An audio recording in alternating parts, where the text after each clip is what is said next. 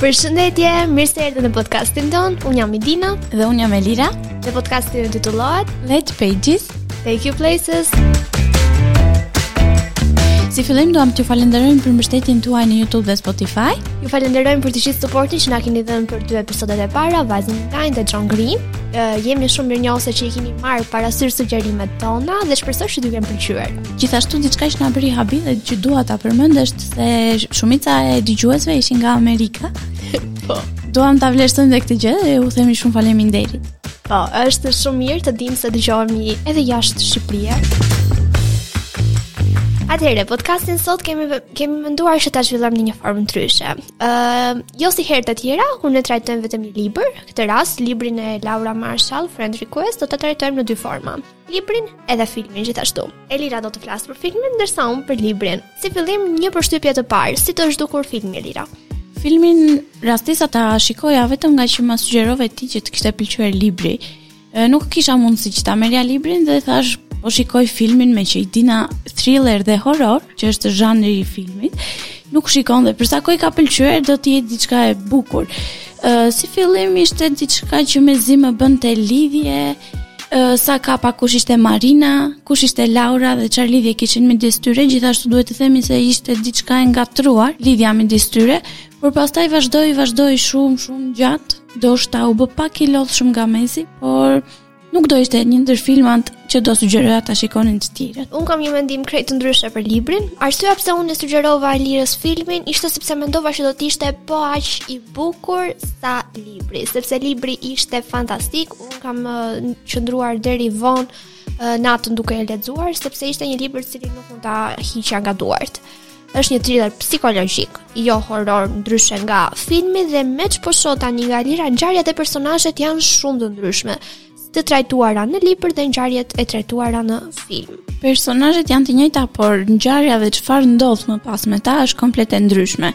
Si fillim, si fillim, gjëja kryesore është se libri e ka Maria, ndërkohë që filmi, emri kryesor, i personazhit kryesor, është Marina. Marina. Po, edhe nga diçka që lexova kur po bëra kërkime dje, Marinën e tregonte shumë ndryshe nga Maria në librin që kam trajtuar, që do të trajtoj unë. Marina ishte një vajzë shumë e mbyllur në vetvete, mund të themi se mund të kishte edhe probleme mentale, por që nuk ka kërkuar ndihmën e dikujt tjetër, ajo e shprehte hapur këtë gjë, pasi qëndronte gjithë kohës vetë, kishte gjithmonë celularin dhe laptopin, por gjithashtu dhe në përmbledhja e filmit e lexova që tentoi për vetëvrasje, Shumë shumë shpejt. Domethënë e tregonte që në fillimet e filmit. Nuk e di për sa i përket librit, nuk duket se e bën paksa suspans, ka vdekur apo jo. Te libri historia mund të them që është krejt ndryshe nga kësaj. Vërtet që Maria ishte një vajzë me shumë probleme, por te libri ne e tregojmë këtë histori në dy etapa.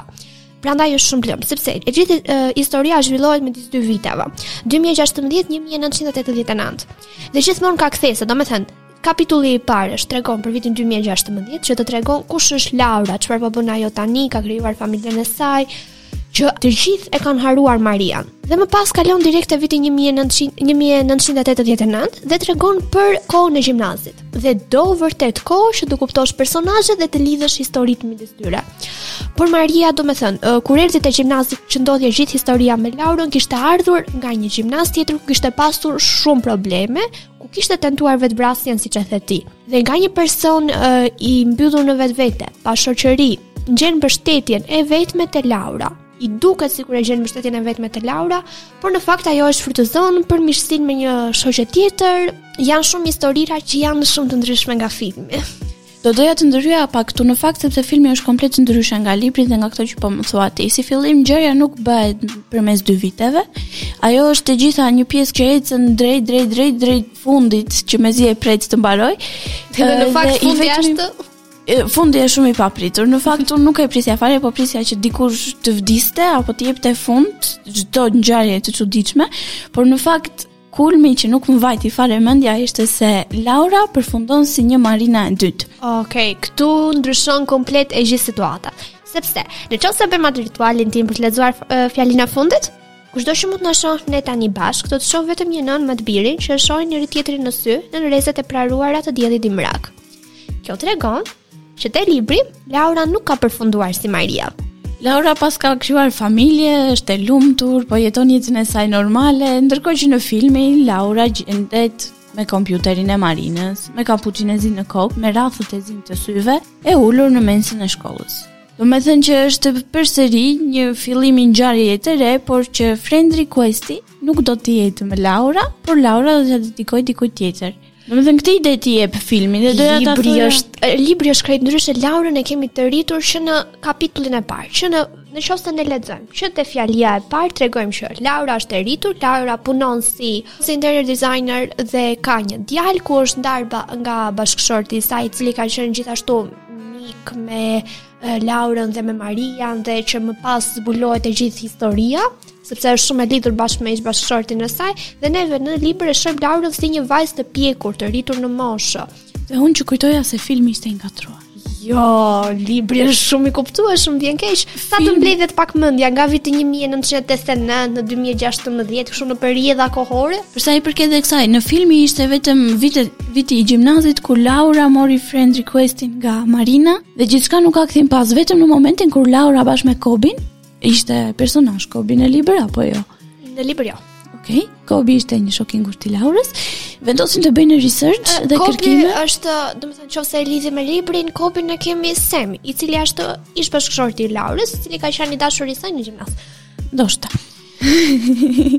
bëjnë research se çfarë mund të simbolizonte ajo pasqyra e zezë, çfarë mund të simbolizonin ato vizatime të çuditshme që bënte dhe postonte Marina në Facebook dhe ata janë të dy bashkë deri në momentin që të gjithë shoqet e Laurës, përveç Kobit, ajo kishte Olivian, kishte edhe shumë po, nuk e di, në film ishte Olivia, fillojnë dhe vdesin një nga një, vetëm sepse Marina u ndje shumë e poshtëruar nga ftesa që nuk mori për ditëlindjen e Laurës, që aty filloi e gjithë ngjarja në film, filloi i hakonte kompjuterat e shoqeve të saj dhe një nga një ishte, domethënë, ngjarja kur shoqet vdisnin bashkë me shokët e Laurës, ishin të tmerrshme, Në çfarë viti është realizuar ky film? Në 2016. Oh. Në Gjermani. Në Gjermani. Okej, okay, duket sepse është shumë aktual me kohën. Gjithë rrjedha e historisë te filmi, sepse te libri nuk është aspak e tillë. Që të mos ngatërrohemi. Në vitin 1989, në shkollën e Laurës vjen një nxënëse e re me emrin Maria. ku uh, djemt, sidomos këta uh, djemt më të rritur kishin marrë vesh nga vëllai i saj që ajo kishte pasur një rast uh, përdhunimi në shkollën e vjetër. Në film nuk përmendej kjo gjë fare fare. Dhe domethënë, Maria vjen në gjimnazin e ri me një histori shumë të keqe nga gjimnazi më përpara. Përshtypja ishte gjithmonë si një vajzë që e, vetëm shfrytëzohej asnjë lloj gjëje tjetër, të gjithë kishin përshtypjen më të keqe për të. E vetmja që iu afrua, iu afrua në thonjza sepse Laura humbi shoqen e saj Sofin, pasi ajo e, pati miqësi më shumë me një shoqe tjetër, dukej sikur mbeti vetë dhe e, mbështetjen e vetme e gjeti te Maria, gjetën të dyja njëra tjetër. u bashkuan, filluan, kishin një shoqëri shumë të pastër, derisa Sofia ndërhyri përsëri, duke i thënë uh, Laurës për historitë e Marias në gjimnazin më përpara, dhe kjo bëri që gjithçka të ngatërrohej dhe të çonte në aktet që kanë çuar gjithë rjedhën e historisë që më vonë me vdekjen e Marias, çon në rrjedhën e ngjarjeve në vitin 2016. Ndërsa në film nuk ka prezantim, erdhi e re në gjimnaz apo jo, Ajo janë të dyja personazhe të ditura që në fillim fare, thjesht Marina vendos t'i afrohet Laurës sepse shikonte gjithmonë buzëqeshje në fytyrën e saj dhe që kishte shumë shoqe dhe tha pse mos ta provoj që dhe Laura të jetë në shoqërinë time, kështu duke i dërguar një friend në Facebook. Laura si vajzë e sjellshme e pranoi duke u ndier pak keq në fakt për Marinën që e shikonte tërë kohës vetë rrinte vetëm me laptop, mirëpo gjithashtu ishte Laura ajo që e poshtëroi, që e bëri Marinën të bënte gjithë këto. Edhe te libri ndodhin pothuajse të njëjta gjëra, jo në këtë mënyrë të drejtpërdrejtë, por janë gjëra që zbulohen më vonë. Janë shumë të papritura. Dhe diçka te libri, te fjalia e parë që ne lexojmë te libri. Kur Laura lexon merr kërkesën për friend request në Facebook nga Maria. Maria Weston do të bëhet shoqe me mua. Ndoshta ky ka qenë gjithmonë problemi. Maria donte që të ishim shoqe, por unë e zhgënjeva. Është pjesa që thashë për zhgënjimin që u bë shoqe përsëri me Sofian. Ajo ngjarje më ka shoqëruar gjatë gjithë jetës sime si e rritur. Sado që jam përpjekur ta harroja, pavetëdija ime e ka ruajtur në një skutë të thellë. Maria Weston do të bëhet shoqe me mua, sepse Laura në fillim kur e merr uh, emailin për friend request nuk e beson. E mbyll menjëherë laptopin dhe i duket sikur ka parë një vegim, e lodhur nga puna, nga të gjitha historitë që i ka kaluar dhe ka mbartur në kurriz gjithë këto vite. Mendon se nuk është aspak e vërtetë se i kanë bërë sytë, është një halucinacion mendon për një moment. Kur e hap përsëri, Maria Weston do të bëhet shoqe me mua. Por Maria ka më shumë se 25 vite që ka vdekur. Çfarë mendon ti? Është e vërtetë apo jo? Mendoj se jo, mbase është diçka që do të mbajë të lidhur lexuesin me librin, mbase ndodh diçka tjetër, pak më pikante, për, ndoshta për të nxjerrë një vëllim të dytë, e thotë këtë, por që nuk mendoj se e njëjta gjë do të ndodhë sërish. Tani vetë siç e the ti, e dimë nga libri, Laura ka krijuar familjen e saj, po jeton një jetë të mirë me punë, me djalin e saj të vogël, kështu që nuk jam dakord me këtë. Unë si shumë realiste që jam, që në momentin e parë vetëm jam shumë, domethënë, që në momentin e parë që e lexova, mendova që po, vërtet Maria ka vdekur dhe gjithë kjo është një lojë e bërë nga njerëz të tjerë për të krijuar gjithë atë si tip roman policesk në thonjza. Por gjithë romanet policeske nuk e kanë atë thrillerin psikologjik që të ofron Friend Request, sepse mua për veten time më ka bërë që ta mendoj e ta rimendoj gjithë natën, vetëm për të gjetur se kush në qoftë se po, Maria ka, ka vdekur, apo jo, në qoftë se po, kush e ka vrarë, pse, Ishin shumë gjëra që morën një kthesë të papritur në faqen e fundit. Në film ishte që Marina vrau veten, por se ku e vrau veten, domethënë dhe policia dhe të gjithë u vunë në kërkim që të gjenin trupin e saj dhe nuk e gjetën asnjëherë. Ishte një magji e zezë, mund të themi, se kishte vrarë veten para një pasqyre të zezë. Po ishin gjëra shumë të ngatruara dhe këto të gjitha u zbuluan nga Laura dhe Kobi. Këto si historitë e besëtytnive shqiptare ishin kishin shumë të bënin me magji, me manifestime. Gjithashtu mund të themi se edhe e përmenda më përpara, vdekja e shoqeve dhe shokëve, përveç se ishte e tmerrshme, shoqërohej me miza të mëdha të zeza, shoqërohej me sjellje jo të zakonshme, domethënë tamam sikur një shpirt ishte futur në trupin e shoqes apo shokut të Laurës, dhe ai nuk ishte i vetëdijshëm çfarë po bënte deri në momentin që i merrte jetën. Domethënë ishin gjëra shumë të ngatruara, prandaj dhe e përmenda më përpara Tmerrshme. Çfarë filmi të paskam sugjeruar të më dish për nder, domethënë, është ta ndryshe nga libri filmi ishte horror. Nuk ishte thriller psikologjik. Kishte të bënte me psikologjinë sepse ishte film i lodhshëm që të bënte të mendoje, po ku e bëri këtë, po si e bëri këtë, po kjo nga doli, po ç'u bë, po ç'pati të tjera e të tjera.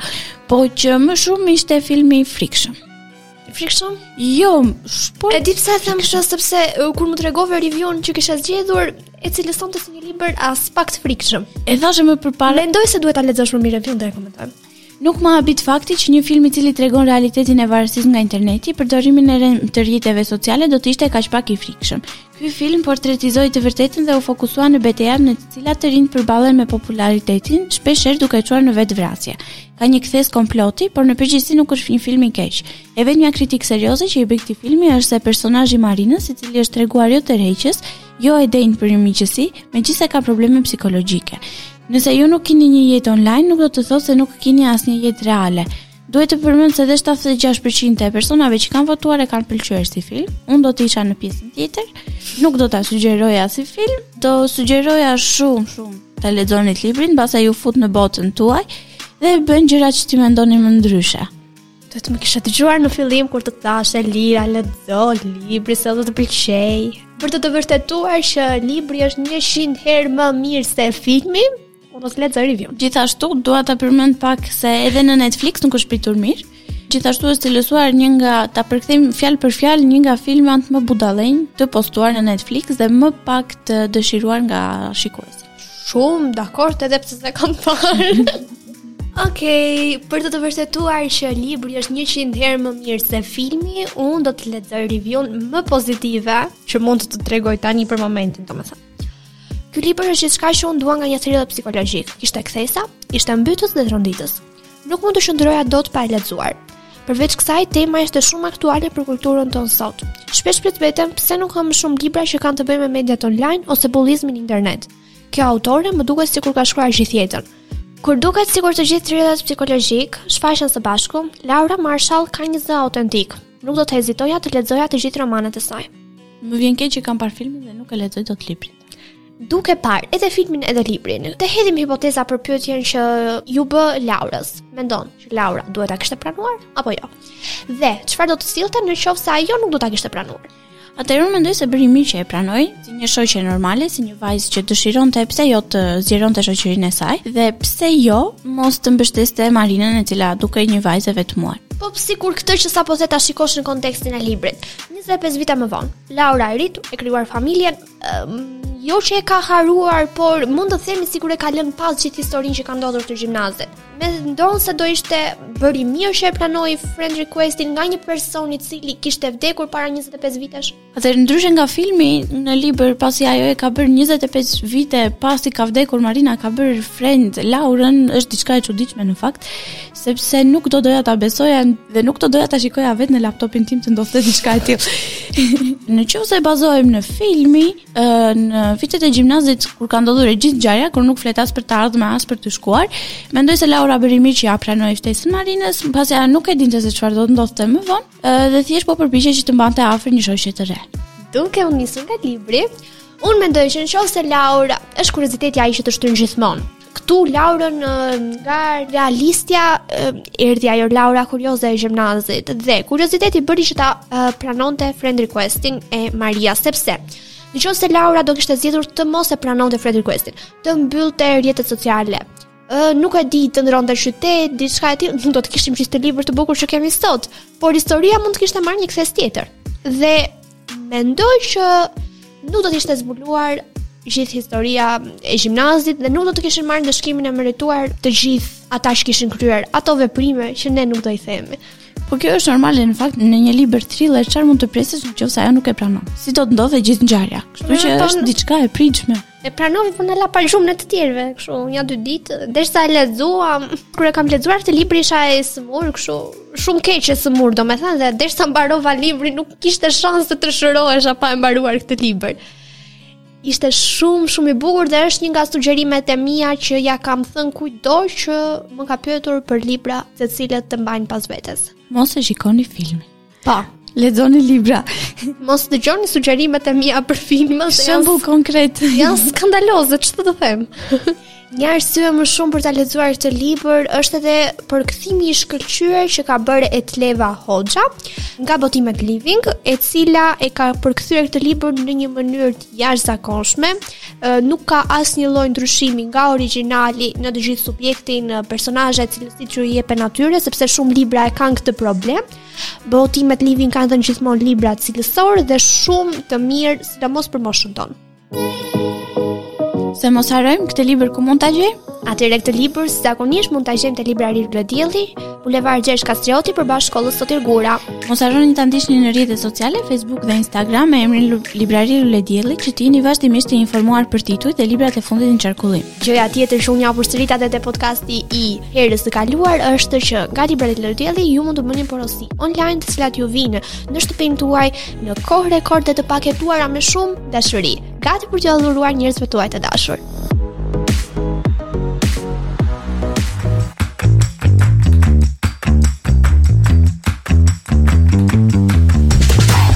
Faleminderit që e dëgjuat këtë episod. Shpresoj t'ju ketë pëlqyer gjithë ndryshimi që bëmë, edhe pse mund të jetë dukur pak lëmsh, nuk ka problem, se dhe ne ashtu lëmsh jemi. po nuk ka problem, do qartësoheni, Elira do qartësohet pasi ta lexojë librin, se kështu tha, apo jo? Po po. Unë thashë që më vjen keq që kam parë filmin dhe tani nuk e lexoj dot librin. Po s'ka problem, do të qartësoheni akoma më shumë pasi të keni dëgjuar podcastin tonë dhe sigurisht pasi të keni lexuar librin. Episodin tonë mund ta dëgjoni në platformat YouTube dhe Spotify me emrin Podcast Juvenis dhe të na ndiqni në faqet me të njëjtin emër në Facebook dhe Instagram për më shumë njoftime të reja mbi episodet tona të ardhshme. Deri në episodin tjetër, Adios. Adios.